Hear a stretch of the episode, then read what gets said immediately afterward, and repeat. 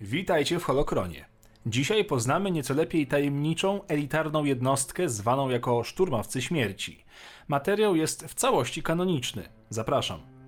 Szturmowcy Śmierci zostali tak nazwani przez samego imperatora, aby wykorzystać pogłoski o legendarnym imperialnym departamencie wojskowym do spraw badań nad zaawansowaną bronią, mającym na celu ożywienie tkanki martwiczej, co ostatecznie zaowocowało stworzeniem niekontrolowanych nieumarłych żołnierzy gdzieś pomiędzy pierwszym i trzecim rokiem po bitwie o Jawin.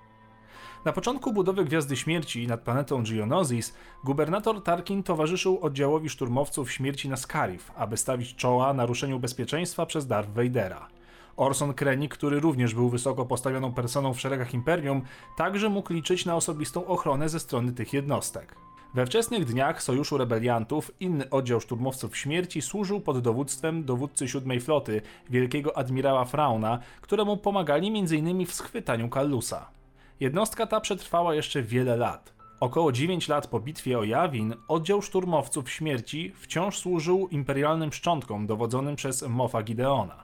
Podczas zimnej wojny między ruchem oporu a najwyższym porządkiem, agent Terex z Biura Bezpieczeństwa Najwyższego Porządku posiadał hełm szturmowca śmierci na pokładzie Corion Spike, który był wystawiony obok hełmów imperialnego gwardzisty. Z kolei hełm Trudgena, jednego z rycerzy Ren, zawierał fragment hełmu szturmowca śmierci, co oznaczało, że pokonał go w pewnym momencie swojej zbrodniczej ścieżki życia. Kandydaci na szturmowców, którzy wykazali się być ambitni podczas szkolenia, byli przenoszeni do zaawansowanego obozu treningowego na Scarifie. Byli zobowiązani do spełnienia sztywnych norm fizycznych i ideologicznych, z normami wzrostu i wagi, które przekraczały typowe średnie żołnierzy. Kandydaci zostali również poddani baterii testów fizycznych i sklasyfikowanych chirurgicznych ulepszeń, co czyniło ich nieco ponadludzkimi. Dodatkowo szturmowcy śmierci musieli przejść rygorystyczne szkolenie w egzotycznych środowiskach, aby być silniejsi, szybsi i bardziej odporni niż normalne jednostki. Inne specjalności obejmowały walkę wręcz, broń ciężką, wyburzenia, broń improwizowaną, wojnę partyzancką i strzelectwo.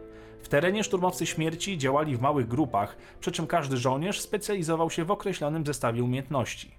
Szturmowcy śmierci byli wyposażeni w zaawansowany pancerz uważany za ulepszenie w stosunku do standardowego zestawu szturmowców.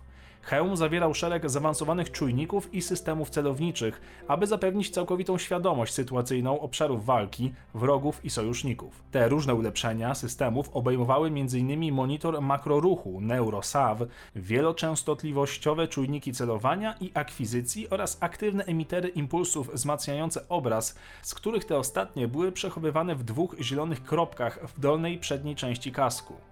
Hełmy zawierały różne szyfratory głosowe, co uniemożliwiało zrozumienie ich komunikacji dla nikogo oprócz innego szturmowca śmierci, a także zwiększało ich zastraszający wygląd. Pancerz żołnierza śmierci był pokryty polimerem w sprayu, który zniekształcał sygnały elektromagnetyczne powszechnie występujące w układach czujników. To sprawiało, że szturmowcy śmierci świetnie nadawali się do operacji z ukrycia.